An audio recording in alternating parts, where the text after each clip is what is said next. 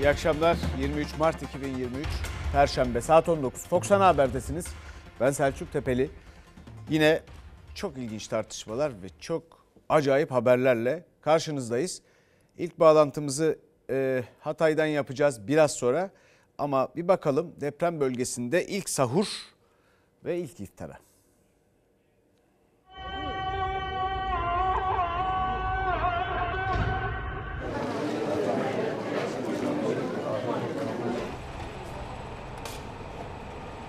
Bütün ölmüşlerimize Allah rahmet dileyelim de buruk geçiyor ama gene elimizden gelen her şeyi yapacağız. Dualar hep ortaktı Ramazan'ı karşılayan deprem bölgesinde. Depremzedeler ilk teravih namazlarını kıldı. İlk sahurlarını çadırlarda, aşevlerinde yaptı. Akıllarında hep kayıpları vardı. Ramazan'ı böyle geçirmek şey değildi ama ne yapalım. Üç tane çocuğumun evi yıkıldı. Üç tane yeğenim öldü. Ne niyet ettiniz? Bu Ramazan nasıl geçsin? Dileğiniz, duanız iyi nedir? geçer. İnşallah iyi geçer. Dileğimiz bu. Zeytin, peynir. Zeytin, peynir, Kuru üzüm. kahvaltılarımız, Evet kuru üzüm bu tür şeyleri tabaklara servis yapıyoruz. Gelenler çadırlarını mı götürüyor yoksa masalarda mı? Yo, Genelde masalarda oturdular. Hatay'da çadır kentlerde, İskenderun'da limandaki gemilerde dağıtılan yemeklerle sahur yaptı depremzedeler. Ramazan ayını böyle geçirmek hiç kimse istemezdi tabii ki. Bu acı günlerde bu kadar ölü kayıplarımız olduğu için çok üzgünüz. Kurban olduğum Allah hayırlısı olur inşallah bu Ramazan bize.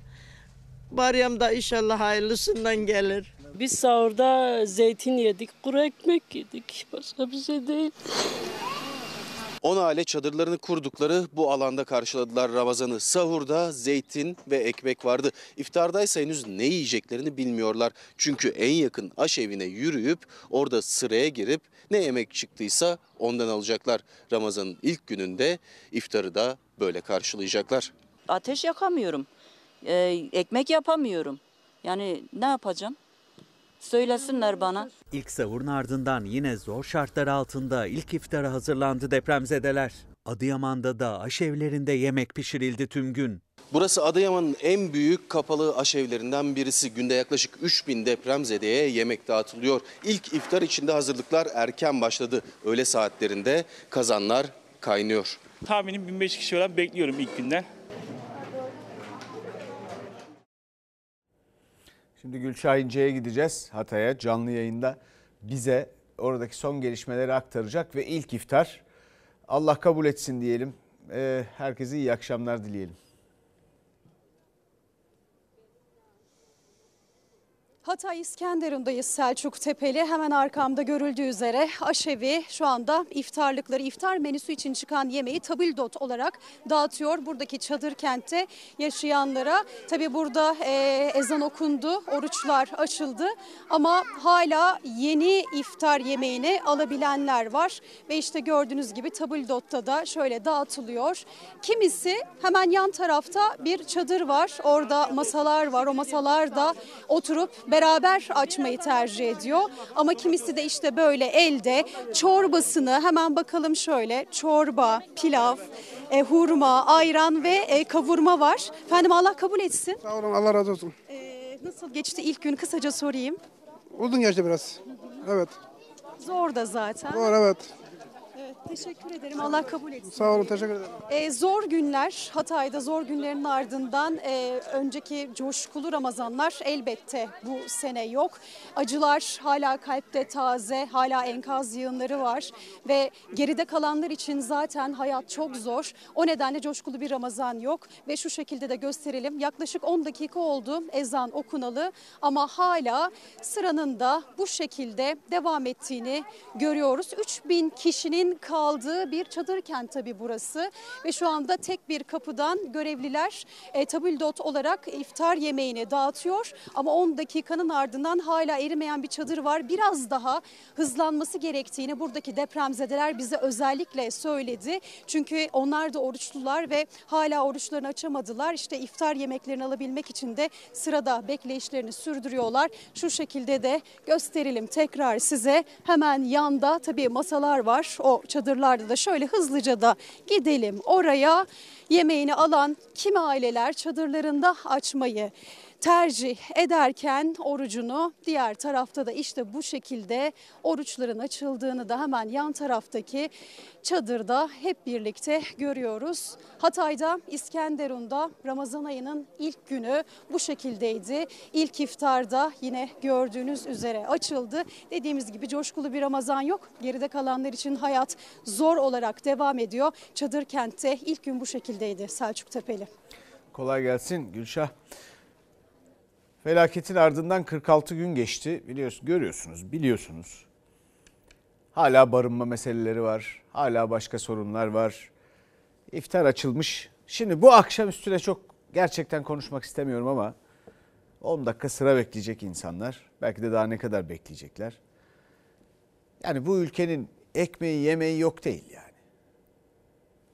Her neyse şimdi geçiyoruz. Bu 46. günde bir seraya, bir muz serasına bakacağız. 25 ailenin yaşadığı bir sera. 25 aile bir serada. Muz serasında kalıyorsun. Evet bu sarısında. Kaç kişi kalıyor burada? Vallahi bilmiyorum çok. Burada mı kalıyorsunuz hep birlikte? Ben burada, hanım burada, durumlar burada. Ne zaman doğdu? Depremden 11 gün önce. Depremin ertesi günü akşamı buraya yerleştik. Kundakta bebeği, yaşlısı, genci. Depremin 46. gününde 25 aile tek serada. Konteyner ya da prefabrik tuvaletler, duşluklar elbette ki bunları isteriz. Çünkü yıkık binalara e, ya da az hasar almış binalara geçmek zorunda kalıyoruz. Allah bizi hepimize korusun. Bu depremde bizi mahvetti. Depremden sonra burada yatıyoruz. Depremle birlikte hayatları alt üst oldu. Hatay Samandağlıların evleri yıkılınca, çadırda bulamayınca barınmak için bu muz serasına sığındılar. Her köşedeki yatak döşekten de anlaşılacağı üzere bu muz serasında en az 25 aile yaşıyor. Çiftçi Uzel ailesi komşularına mahalleliye yer açtı. Çadır bulamayanlar işte bu muz serasına yerleşti. Ancak eksiklik sadece barınmada değil o ihtiyaçlar hiç bitmiyor. Çoluk, çocuk, yaşlı, kadın herkes bu seranın içinde birbirine tutunmaya çalışıyor. Eskiden yeşillik satıyorum. Sağdan sola kaç kuruş kazanmak için. Bu depremden sonra insan aç kaldı. Çadır ya da bana konteyner bir şeyler istiyor. Adınızı yazdırdınız mı? Yazdırdım. Adımı da yazdırdım ama yok diyorlar. Bazı yerler alındı, bazı yerler verilmedi. Vatandaşlarımızın talep ettikleri tüm ihtiyaçlarının karşılandığını en iyi siz biliyorsunuz.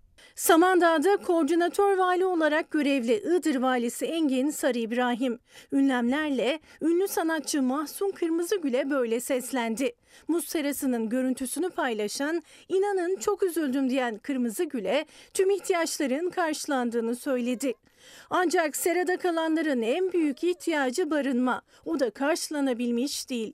Yağışlarsa devam ediyor bölgede. Lüks bir yaşam tabii ki de tercih edemiyoruz ama en azından kolaylaştırabiliriz. Daha basit bir yaşam şartlarını elde etmeyi biz de çok isteriz. Çadır talep ettiniz mi? Çadır talebinde bulunduk. Ee, bir tane çadır geldi. Ama yani biz büyük bir aileyiz. Benim en çok ihtiyacım var çadır, barınak yer, kalacak bir yer. Çadırda kalıyoruz. Ee, şey kazanda su ısıtıyoruz. Elimle yıkıyoruz. Çadırı siz mi yaptınız? Ee, oğlum yaptı. Yine Samandağ'da naylonlarla derme çatma barınaklar yapanlar da var. Kazanda su ısıtıp ellerinde çamaşırlarını yıkıyorlar. 93 yaşındaki Hasan Özbek'le 80 yaşındaki Bediha Özbek çifti ise çadıra ulaşabildi. Ancak tüm depremzedeler gibi onlar da zor şartlarda 46 gündür mücadele veriyor. Havuz yıkıldı. E, nereye gideceğiz? Ben okuyacağım, burada yatacağım. Bu hayat öyle sosyal hayat değil, bitkisel hayat bu.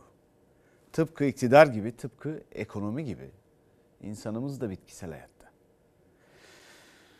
Efendim yıkılan 300 binden fazla bina var. 300 binden fazla bina ve sayısı da artıyor. Can kaybımız 50 bini aştı biliyorsunuz.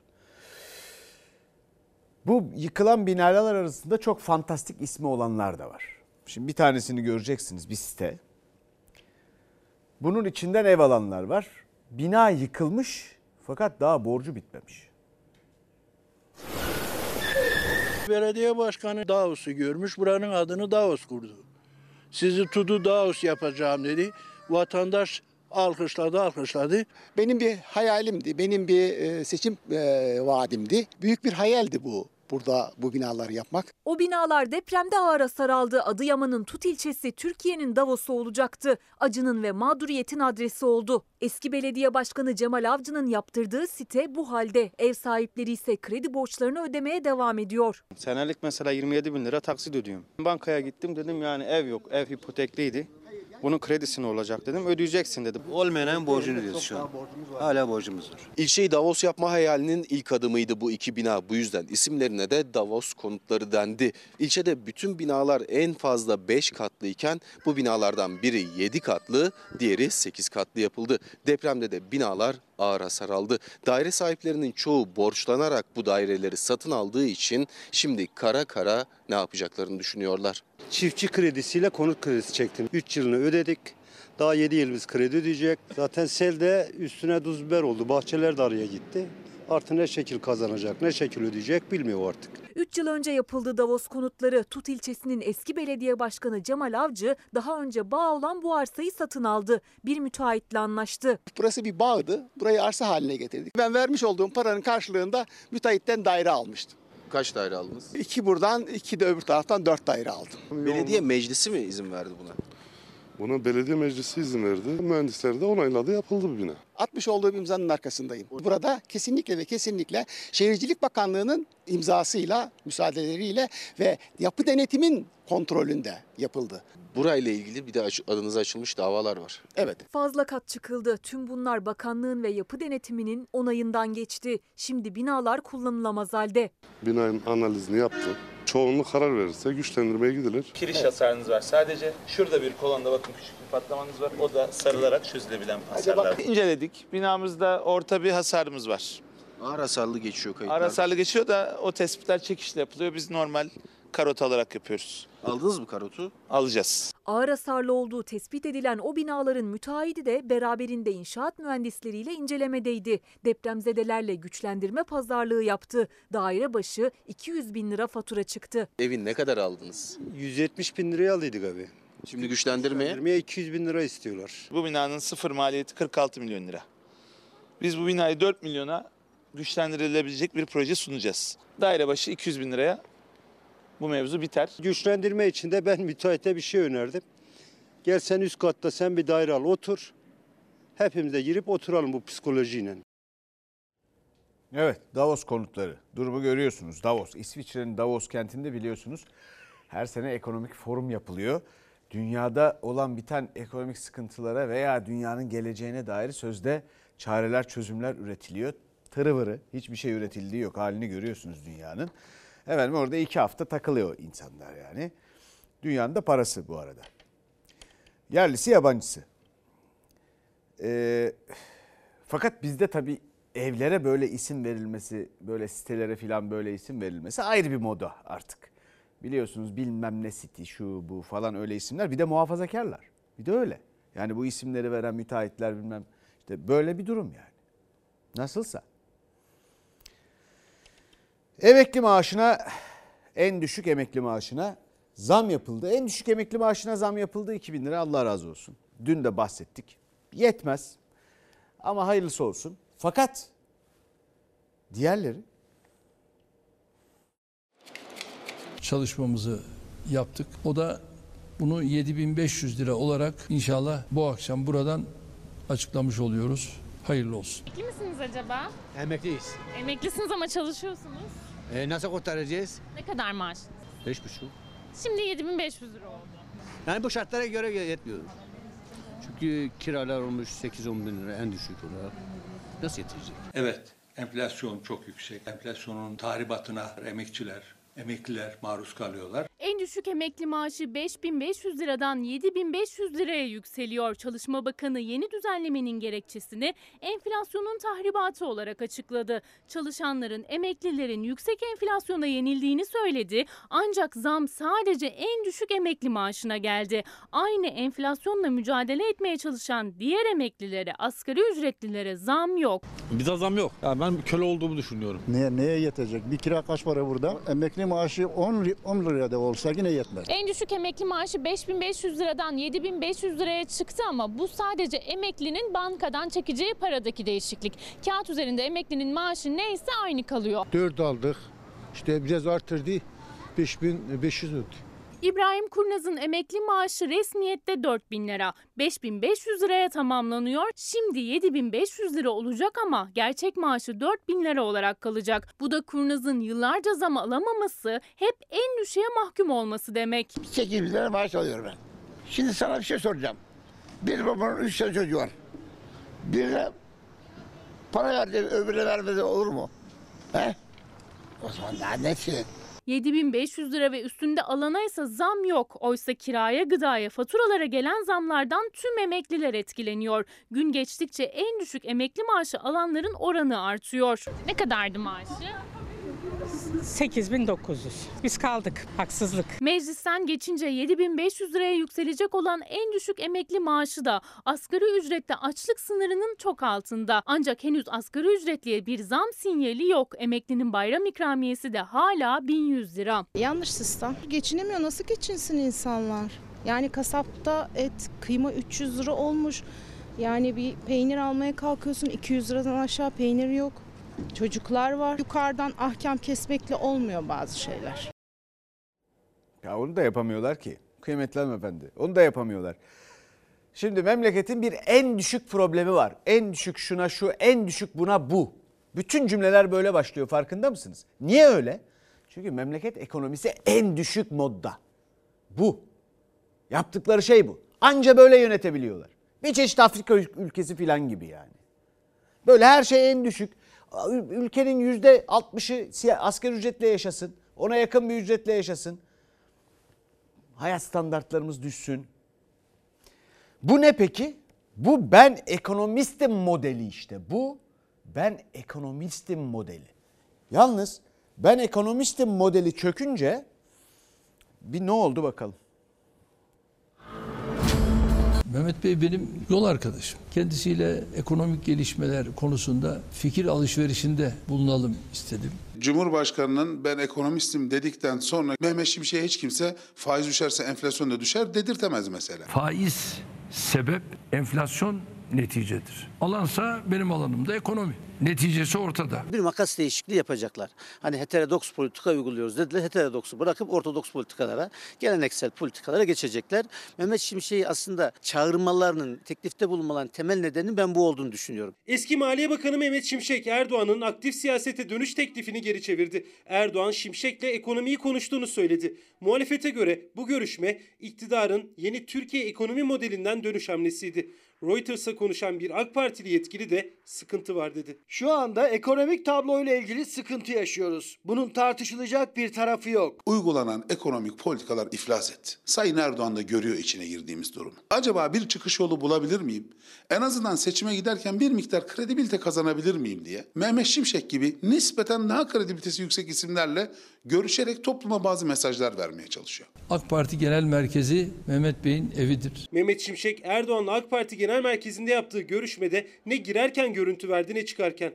Mehmet Şimşek Erdoğan'a aktif siyaseti düşünmüyorum dedi. Seçime giderken ekonominin belirleyici olacağı bir dönemde Şimşek'in red yanıtı AK Parti'de istenmeyen sonuç olarak yorumlandı. Kendisiyle ilgili de özellikle insanımızın refahı, huzuru noktasında bundan sonraki süreçte de nasıl bazı değerlendirmeleri yapabiliriz? Mehmet Bey'e özellikle görevler düştüğünde söyledim. Liyakatsiz kadrolarla bu işi yaptıktan sonra nispeten uluslararası piyasaların tanıdığı ve ekonomik görüşleri olarak Erdoğan'la taban tabana zıt birisinden nasıl bir yardım medet umduğunu biz anlayamadık. Bunların kafası basmaz. Ben ekonomistim. Ben ekonomistim dedin, ekonomiyi batırdın. Faiz sebep, enflasyon sonuç dedin, enflasyonu patlatıp milleti perişan ettin. Bak şimdi faiz lobisi dediğin Mehmet Şimşek'ten medet umar hale geldin. Enflasyonun sırtımıza bindirdiği kamburdan kurtulacağımız 2023 Şubat Mart aylarından itibaren artık bu sorunları da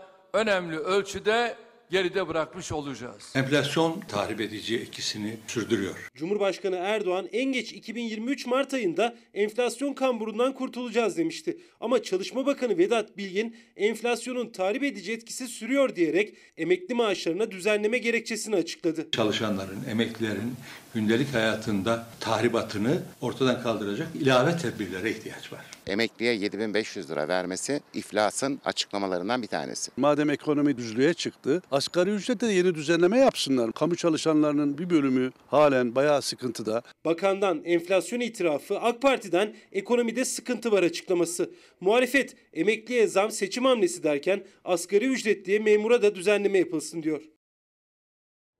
Şimdi emeklinin bir de bayram ikramiyesi var. Onu da bir hatırlatalım. Onda da ne olması gerektiğini zaten söyledik, belirttik. Burada 5500 lira istiyor emekli. Sonra Mehmet Şimşek'le görüşme tabii enteresan, ilginç, çok analize muhtaç bir yandan da. Çünkü şimdi biliyorsunuz NAS dendi. Ekonomide yeni bakış açıları şu bu. Fakat Mehmet Şimşek ortodoks. Yani ekonomiye bakış açısından. Enteresan. Bütün bunların neticesinde de ne oluyor? İşte ekonomide yanlış yaptıklarını itiraf, itiraf eder gibi bir görüşmenin neticesinde böyle manzaralarla her gün karşılaşmaya devam ediyoruz. Bir kilo et kuyruğu. Dört buçukta geldik. Dışarıda pahalı zaten. Alım gücü yok. Ne, işçi, emekli bir adam ne, ne, ne alır? Soruyorum ben size. El örgüsü battaniye kendim örmüştüm onunla geldim. Üşürüm diye. Ayaklarım rahatsız, belim rahatsız. Mecburen sandalyeyle geliyorum. Dedim ki bugün Ramazan kimse gelmez dedim. Baksana. Kıyma veriyorlar bir kilo, bir kilo et veriyorlar. Hani yazık ya halkımıza yazık, bize yazık. Kasapta kıymanın kilosu 300 liranın üstünde. Et ve Süt Kurumu'nun önünde daha kapılar açılmadan başladı kuyruk. İftar sofrasında et olsun diye saatlerce sıra beklediler. Sahur yaptık, buradayız yani. Uygun diye geldik. Mümkün mü? Kıymanın kilosu 300 lira. Ne bileyim öbürleri 400-450 lira. Et ve Süt Kurumu'nun önünde yine uzun bir kuyruk var. Birçok kişi ilk sahurunu yaptı. Sabahın erken saatlerinde kuyruktaki yerini aldı. Ramazan'ın ilk gününde iftarını bir lokmada olsa etle açabilmek için. Beşten beri buralardayız. Olsun soframızda bir et olsun. Yani herkes onun için bekliyor. Dün marketleri dolaştım. Yani aşırı 300, 350. Kanı yok almadan geri gittim yani. Bugün buraya işte gelmeyi istedim. Bakalım hayırlısı alabilirsek. Et ve Süt Kurumu'nda kıyma ve kuşbaşı kişi başı birer kiloyla sınırlı. Kalabalık çok, ürün az olunca birkaç saat içinde tükeniyor et. Ancak dar gelirlinin kasaptan alabilme şansı yok. Fiyatlar neredeyse 3 katı. İlk sahurumuzu yaptık geldik. kadar güzel olurdu gidip kasaptan alabilsek ama kasapla burası arasında çok fark var yani. Burası Beylikdüzü'nde bir mahalle kasabı. Cumartesiden çarşambaya yani son 4 günde dana kıymaya tam 2 kere zam geldi. Buna rağmen önümüzdeki günlerde yeni zamlar bekleniyor. Cumartesi günü dana kıymamızın kilosu 280 TL'ydi. Pazartesi günü bu 305 TL oldu. Çarşambaki kesimimizde 330 TL'ye çıktı ve önümüzdeki hafta pazartesi hafta başı içince tekrardan bir 10 TL zam istiyorlar. Besici maliyetlerini karşılayamadığı için hayvanını kesime gönderiyor, yerine yenisini koyamıyor. Onlar da kasap da tüketici de zorda. Her istediğimiz ürünü istediğimiz miktarda bulamamaya başlıyoruz artık yavaş yavaş. Etin kilosu 300-350 lira. İşler açısı yani. Bu hale getirenler utansın. Yanlış politikaların sonucu. Efendim şimdi Emre Üskübarlas'a gidiyoruz. Eyüp Sultan'da İstanbul'da da ezan yaklaşıyor, iftar yaklaşıyor. Sözü ona bırakıyoruz. Selçuk Tepeli İstanbul'da Ramazan atmosferini en iyi yaşayabileceğimiz noktalardan birindeyiz. Eyüp Sultan Türbesi ve Camisi'nin hemen önündeyiz. Peki neden Ramazan'da burası dolup taşar? Neden bu kadar ilgi görür? Aslında biraz bundan bahsetmek lazım. Biraz Eyüp Sultan'dan bahsetmek lazım burayı daha iyi anlayabilmek için. Asıl adı Ebu Eyüp el Ensari bildiğimiz adıyla Eyüp Sultan. Peygamber Efendimiz Hazreti Muhammed'i Medine'deki evinde 7 ay boyunca misafir eden, onunla her savaşa katılan bir sahabe. e, Eyüp Sultan. İşte Eyüp Sultan'ın türbesi burada olduğu için bu kadar Ramazan'da da ilgi görüyor. Dün ilk teravih namazı kılındı. Doldu taştı burası ve şimdi iftarda da Ferhan Güler şimdi size göstersin. Bakın sular alındı, pideler alındı, simitler alındı. İşte burada inananlar birçok kişi buraya gelerek oruçlarını bu manevi atmosferi yüksek noktada açacaklar. Tabi türbeden bahsederken aslında türbenin bulunma hikayesi de çok ilgi çekici. Fatih Sultan Mehmet'in hocası Akşemseddin daha bu türbe burada yokken daha doğrusu bu türbe bulunmamışken rüyasında türbenin burada olduğunu görür. Sabah kalkar burada bir kazı yaptırılır ve türbenin burada olduğu anlaşılır. Aslında şu anda göremiyoruz ama türbe hemen bulunduğumuz yerin hemen arkasında burada ve biz az önce sohbet etme fırsatımız oldu buraya gelenlerle. Aslında onların da duaları ortak. Allah bir daha ülkemize doğal afetler, depremler göstermesin, bu acıları yaşatmasın diyorlar. İşte bakın hemen sözü aslında biz ezana bırakalım. Artık bizim için susma, İstanbul için de ezan vakti. Selçuk Tepeli Allah kabul etsin diyelim. Eyüp Sultan'dan bu güzel noktadan biz de herkesin orucu kabul olsun diyelim. Sözü de şimdi ezana bırakalım.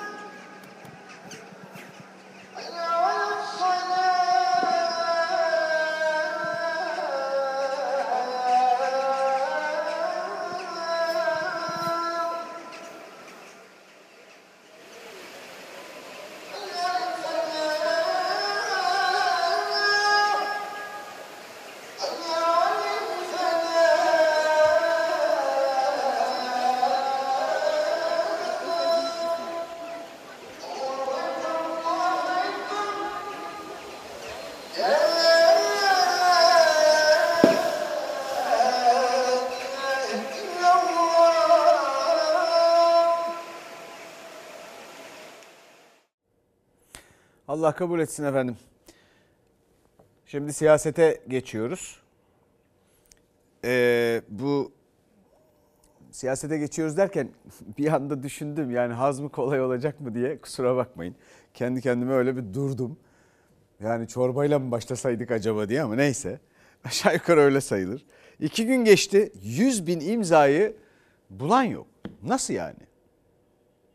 Sadece Maraş'ta vefat edenlerin sayısı 12.307'yi buldu. Dünyada Türkiye'den başka böylesine büyük alanda bu kadar kısa sürede toparlanıp yeniden inşa aşamasına gelecek başka ülke yoktur. Cumhurbaşkanı Erdoğan depremin merkez üssü Kahramanmaraş Pazarcık'taydı. Kalıcı deprem konutlarının bir kısmının temel atma töreninde Bahçeli ile birlikte. Millet İttifakı'nın adayı Kılıçdaroğlu'nun deprem konutları bedelsiz teslim edilecek sözlerine girmedi. Hak sahibi depremzede vatandaşlarımızı da söz verdiğimiz şekilde yeni yuvalarına kavuşturacağız. Biz bu kampanyayı 30'un üzerinde bir oyla tamamlayacağız. Seçim ikinci tura kalacak. İkinci turda da %60'ın üzerinde bir oyla Cumhurbaşkanı seçileceğim. 14 Mayıs'ta ilk turda %30, ikinci turda %60 oy hedefleyen Cumhurbaşkanlığını kazanacağını iddia eden Muharrem İnce ikinci günde henüz 100 bin imzanın yarısına ulaşabildi. İnce'ye verilen imza sayısı 50 bini geçti. İnce sosyal medyadan çağrı yaptı. Haydi seçim kurullarına imzaya. Cumhurbaşkanlığı seçiminde yarışabilmek için 100 bin imzaya ihtiyaç ihtiyacı olan adayların imza toplama sürecinde ikinci günde bitmek üzere. Cuma akşamına Cuma kadar akşamına inşallah kadar. tamamlanır diye düşünüyoruz. Bizim hedefimiz tabii 200 binin de üzerine çıkmak. Bakalım pazartesi akşamına kadar inşallah onu da gerçekleştiririz. Yeniden Refah Partisi adayı Fatih Erbakan için verilen imza sayısı 46 bine yaklaştı. Tam anlamıyla imza sürecinden memnunuz diyemem. Bizim insanımızda da öyle bir rehavet var. Var. Yani hafta sonu veririz, son dakika veririz. Ama bugün son dakika beklemenin zamanı değil. Ata İttifakı'nın Cumhurbaşkanı adayı Sinan Oğan imza sayısından memnun olmadığını söyledi. Çünkü ikinci günde 26 bine yakın imza toplayabildi. Zafer Partisi Genel Başkanı Ankara Seçim Kurulu'nun önünde imza standı açtı. Sinan Oğan için imza atanlara imzalı kitabını hediye etti. Hocam bir imza alacağız. Kime imzalıyorum? Bizim için 100 bin imza toplamak yapılabilecek bir iş. Vatan Partisi Genel Başkanı Doğu Perinçek de henüz 11 binin üzerinde imza toplayabildi. Cumhurbaşkanlığı adaylığı yarışında iddialı açıklamalar yapan bağımsız isimlerden henüz 100 bin imzaya yaklaşabilen olmadı. Evet işte sert siyasi haberlerle gündemle e, hemen e, iftardan sonrası o bir tereddüde düşürmüştü beni. Fakat şimdi burada ilginç bir durum var. Bakın dün söyledim bu süreç zor bir süreç. Bunun kolaylaştırılması lazım demokrasi açısından. Fakat partileri teşkilatları olan isimlerden bahsediyoruz. İki gün geçmiş ve daha 100 bine yaklaşamamışlar. Şimdi burada bir sorun var çünkü pek çok iddia var. Yani oy iddiası var. Biliyorsunuz isimleri, neler dediklerini. Hatta dün dedim ki ya milyonluk iddiası olması lazım bu insanların. Ha fiziken mümkün değil. O da ayrı bir tartışma konusu olurdu. Yani öyle ise eğer durum bu ise bilmiyorum ki yani bir yığın tartışma biliyorsunuz dün de bahsettim. Yine bir yığın gürültü patırtı siyasette. Bu gürültü meselesine döneceğiz. Bunlarla oyalanıyoruz yani millet olarak bir yandan da bu tartışmalarla oyalanıyoruz. Şimdi buradan siyasette benzer başka bir tartışmaya geçiyoruz. Cumhur İttifakı'nda Hüdapar çatlağı. Cumhur İttifakı'nın içerisinde yer alan Hüdapar'la ilgili uydurma yaklaşımlar falan var. Biz burada bir defa ittifakımızın ilkelerinde zaten uyumlu olmuşuz. Biz Büyük Birlik Partisi olarak Hüdapar'ın konfederasyon ya da özellik ya da ana dilde eğitim gibi programında olan vaatlerini asla kabul etmiyoruz ve reddediyoruz. Hüdapar'ın Cumhur İttifakı'nda yer alması ittifakta çatlak yarattı. Cumhurbaşkanı Erdoğan'ın Hüdapar'ı savunmasından bir gün sonra Büyük Birlik Partisi Genel Başkanı Mustafa Destici parti programında yer alan ifadeler nedeniyle kabul etmiyoruz, reddediyoruz dedi. Tamamıyla yerli ve milli bir yapı. Bunları asla doğru bulmuyoruz. Cumhur İttifakı'nın düştüğü hale gülümseyerek ve acıyarak bakıyoruz. Cumhuriyet Halk Partisi'nin kimlerle ittifak yaptığı hem Yüksek Seçim Kurulu'na verdiği ittifak belgesinde mevcut hem de bütün kamuoyu biliyor. Yüksek Seçim Kurulu'na resmi ittifak protokolünü sundu muhalefet. CHP, İyi Demokrat Parti, Gelecek, Saadet ve Deva Partileri. Ama Erdoğan HDP de var diyor. Emek ve Özgürlük İttifakı'nın Cumhurbaşkanı adayı çıkarmamasını gerekçe gösteriyor. HDP zaten en başından beri bu masanın yedinci ortağıydı. Masanın altında demiştik. Şimdi masanın altından üstüne çıktı. Bizim ittifakımız belli. İttifakımız ortada. Gizli saklı işimiz yok. HDP'nin de kurmuş olduğu bir ittifak. Bak biz orada saygılıyoruz. Ama sen anayasanın değiştirilmez maddesini değiştir diyen Hüdapar'la işbirliği yapıyorsun. Hüdapar yetkilileri kabul etmiyorlar. Bizim diyorlar terör örgütleriyle yakından uzaktan hiçbir ilgimiz olmamıştır. Hiçbir ilgimiz de olmaz diyorlar. Hizbullah bana göre bir terör örgütü değil. Hizbullah terör örgütü değil diyen Hüdapar Genel Başkanı için terörle ilişkiyi kabul etmiyorlar dedi Erdoğan.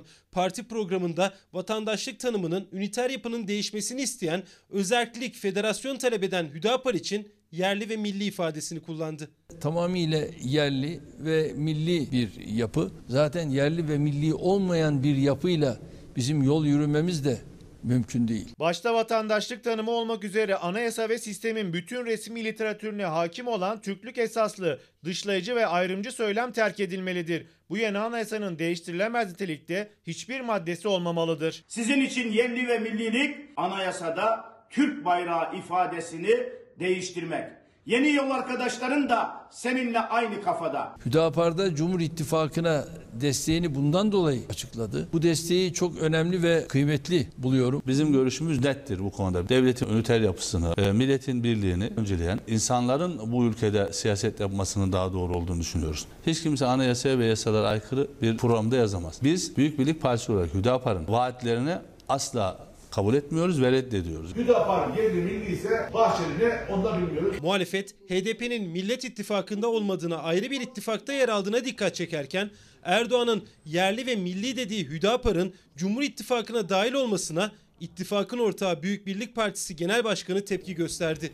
MHP lideri Bahçeli sessiz.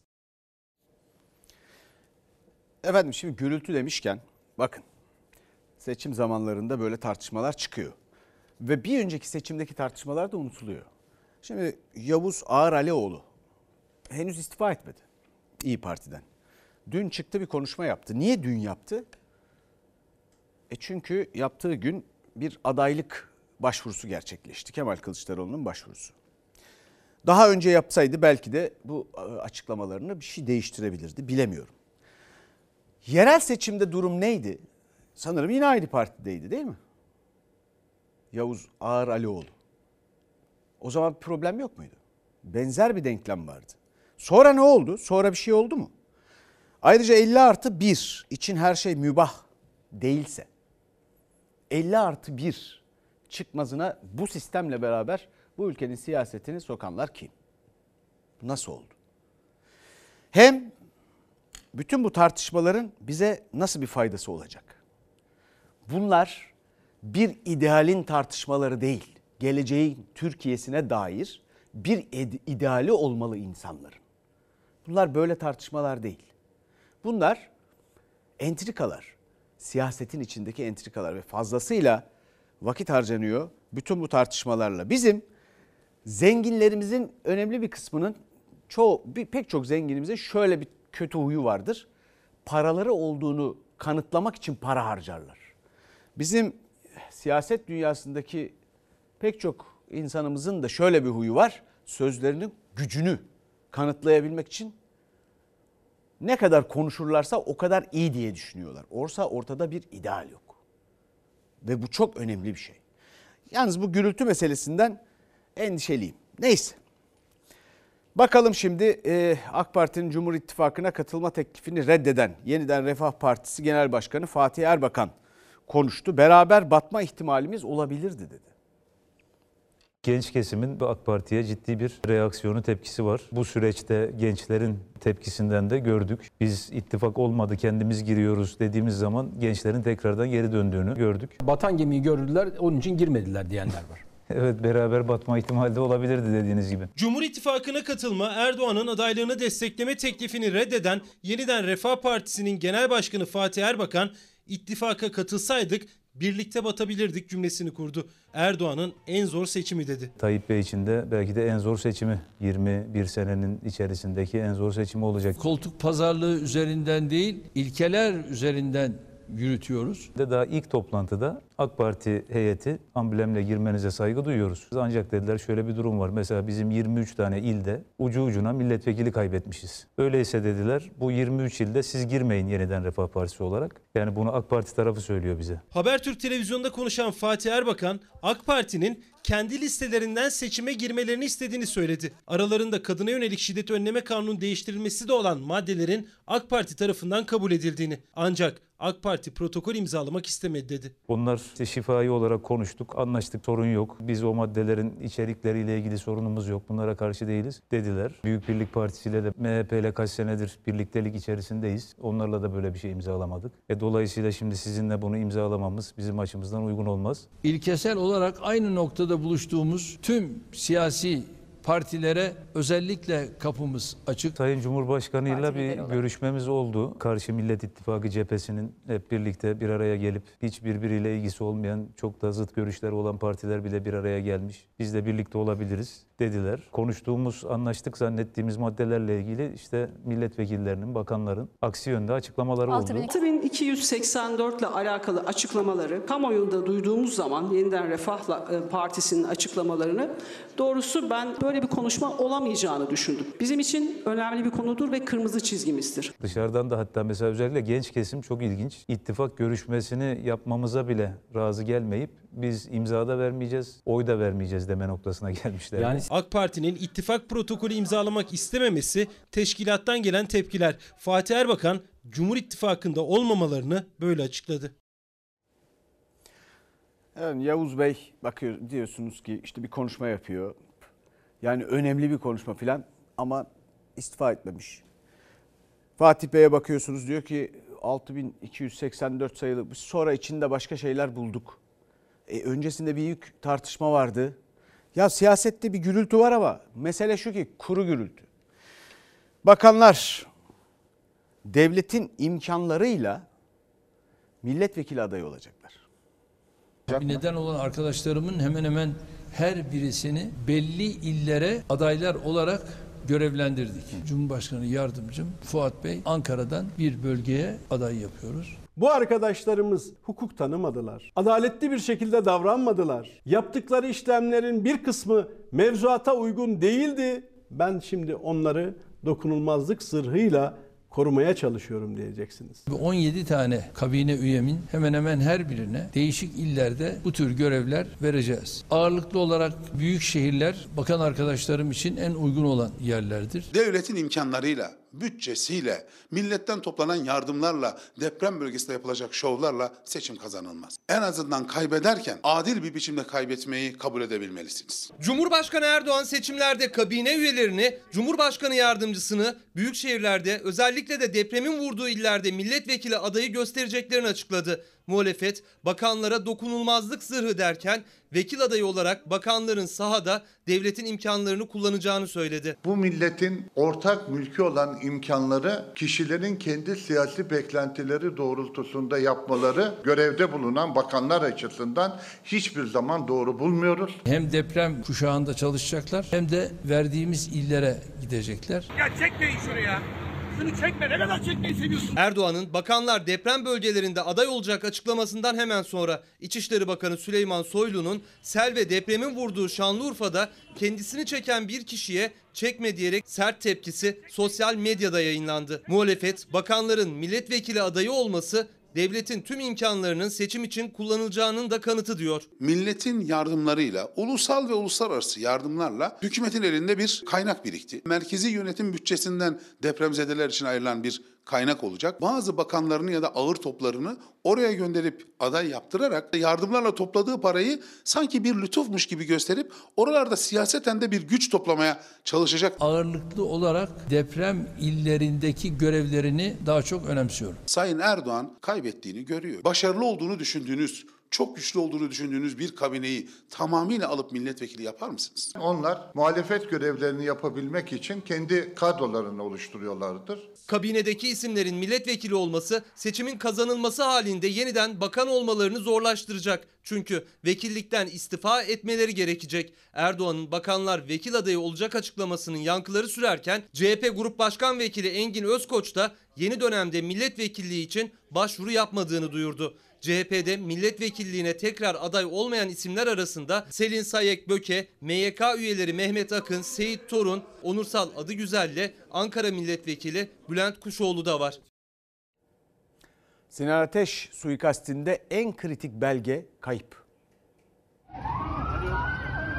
Olcay Kılavuz tartışması cinayetin olduğu günün ertesinde tüm gazetelerde, televizyonlarda yayınlandı. O evran kayboluyor olması bu cinayetin karartılacağının da göstergesi. Tek bir ülküdaşımı ezdirmeyeceğim. Sonu ölüm de olsa surda gerik açtırmayacağım. Göz göre göre işlenen cinayetle ilgili birileri çıktı. Bunun hesabını kimse soramaz dedi. O konuyla ilgili evinde bulunan kişiden tutun, tutun da evrakların kaybolmasına kadar bir süreç yürütüldü. Eski Ülke Ocakları Genel Başkanı Sinan Ateş cinayetine ilişkin soruşturmada en kritik belgenin kaybolduğu iddiası. Cinayetin tetikçisini Ankara dışına kaçırdığı iddia edilen Tolgahan Demirbaş'ın MHP Mersin Milletvekili Olcay Kılavuz'un evinde gözaltına alınmasına ilişkin polis tutanağının kaybolduğu iddia ediliyor. Savcılık sessiz. İktidar Sinan Ateş'i öldür diyenlerin üzerine gitmiyor,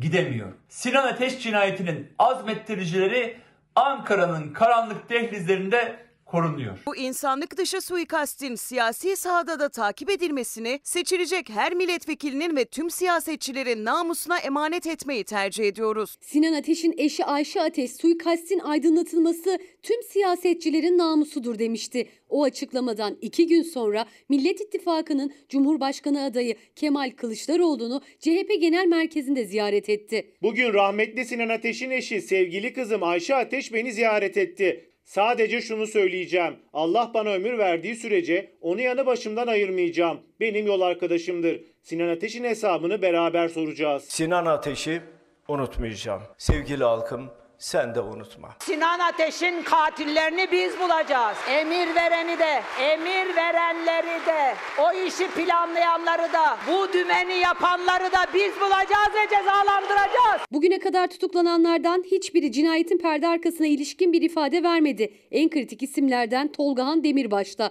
Tetikçiyi Ankara dışına kaçırdığı iddiasıyla tutuklu. Cinayetten bir gün sonra MHP Mersin Milletvekili Olcay Kılavuz'un evinde gözaltına alınmıştı. Dolce Vella'nın haberine göre polisin o gün o gözaltı ile ilgili tuttuğu tutanak bugün savcılık dosyasında yok. İddiaya göre kayboldu. Tutanak olmadığı için Olcay Kılavuz'un ismi de soruşturma dosyasına girmedi. Ortada eğer bir delil karartma var ise yarın bunların tamamı ortaya çıkacaktır. Çünkü devlette hiçbir belge kaybolmaz. Delil karartmanın bir suç olduğunu asla unutmayın. Hadi bakalım Sayın Erdoğan. Ayşe kızımıza söz veren sen değil miydin? Ben bu işin peşine düşeceğim diyen sen değil miydin? Cinayetin gölgesi birdenbire Milliyetçi Hareket Partisi'ne düşürülmek istendi. Bugün Sinan Başkan'ın canına kıyanların keyfi yerinde bile olabilir. Ama bu alçaklıkta eli olan, kolu olan, rızası olan kim varsa asla unutmasın ki Mayıslar bizimdir. Muhalefet seçim sonrası Sinan Ateş cinayetinin aydınlatılacağının sözünü veriyor. Kaybolduğu iddia edilen polis tutanağı ile ilgili savcılıktan, emniyetten açıklama bekliyor. Şimdi bir ara sonra bir dakika bölümünde beraberiz. Bir izleyicimiz demiş ki neşesiz görüyorum sizi. E, alakası yok. Öyle değil fakat gürültü. İrlandalı ilahiyatçı yazar C.S. Lewis'in bahsettiği bir şeytan var. Müzikten de sessizlikten de nefret eder ve cehennemin azgın bir gürültüyle dolu olmasıyla böbürlenilmiş. Gürültü iyi değildir. İyi akşamlar efendim. Görüşmek üzere.